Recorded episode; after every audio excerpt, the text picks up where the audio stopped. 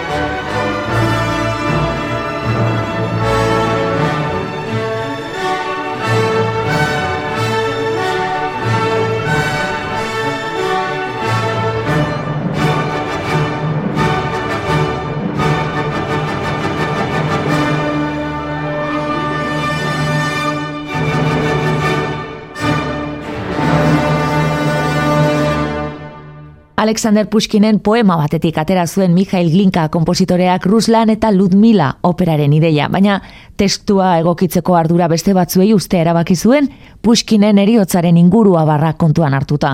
Duelo batean hiltzenez oso polemikoa izan baitzen haren eriotza.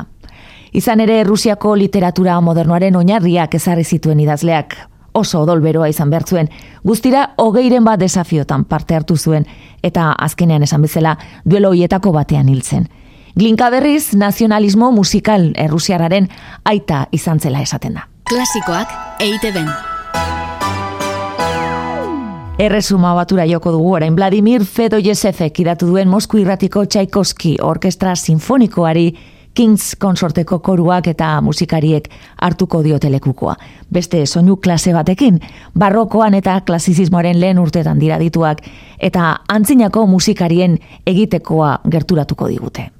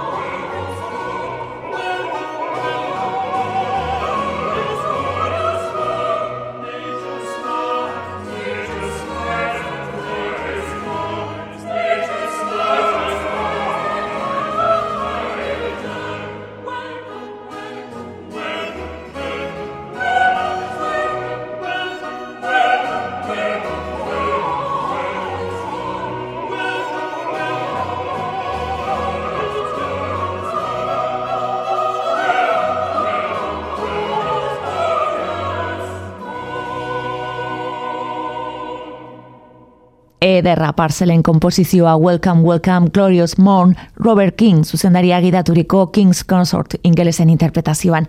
Eta zeinen ederra baita ere azkoitiko Jose de la Rañaga Francisco Tarraren sonata hau.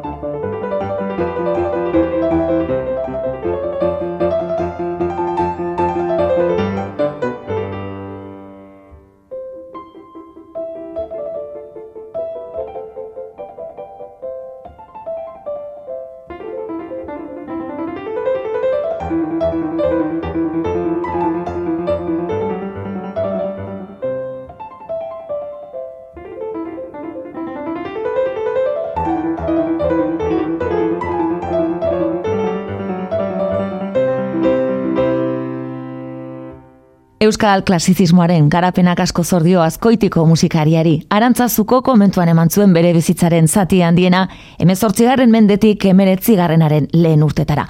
Aita larrainagaren do maiorreko lehen sonata entzun dugu. Klasikoak eite ben.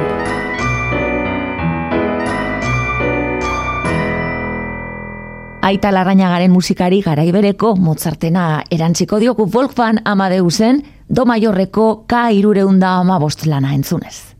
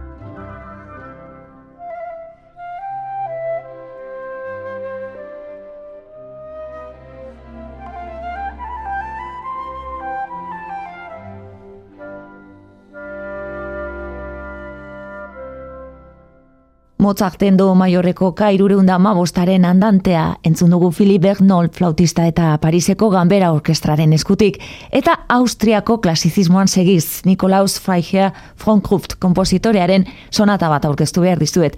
Trompa eta klaberako fa maiorreko lanortatik rondoala polaka pasartea, entzungo dugu. Herman Baumann trompa jotzen eta pianoan lagun Leonard Hawkinson.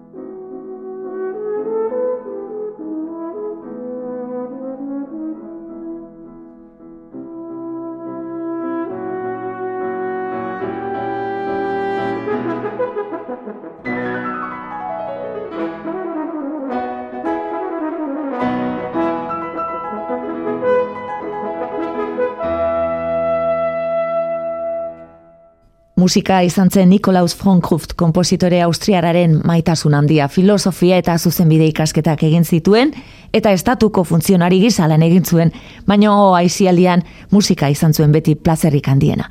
Oso gazte zendu zen eta lan gehiegi egiteagatik hiltzela, esan zen. Gaur, trompa eta pianoaren zati idatzi zuen lan ederronek ekarri du geurera.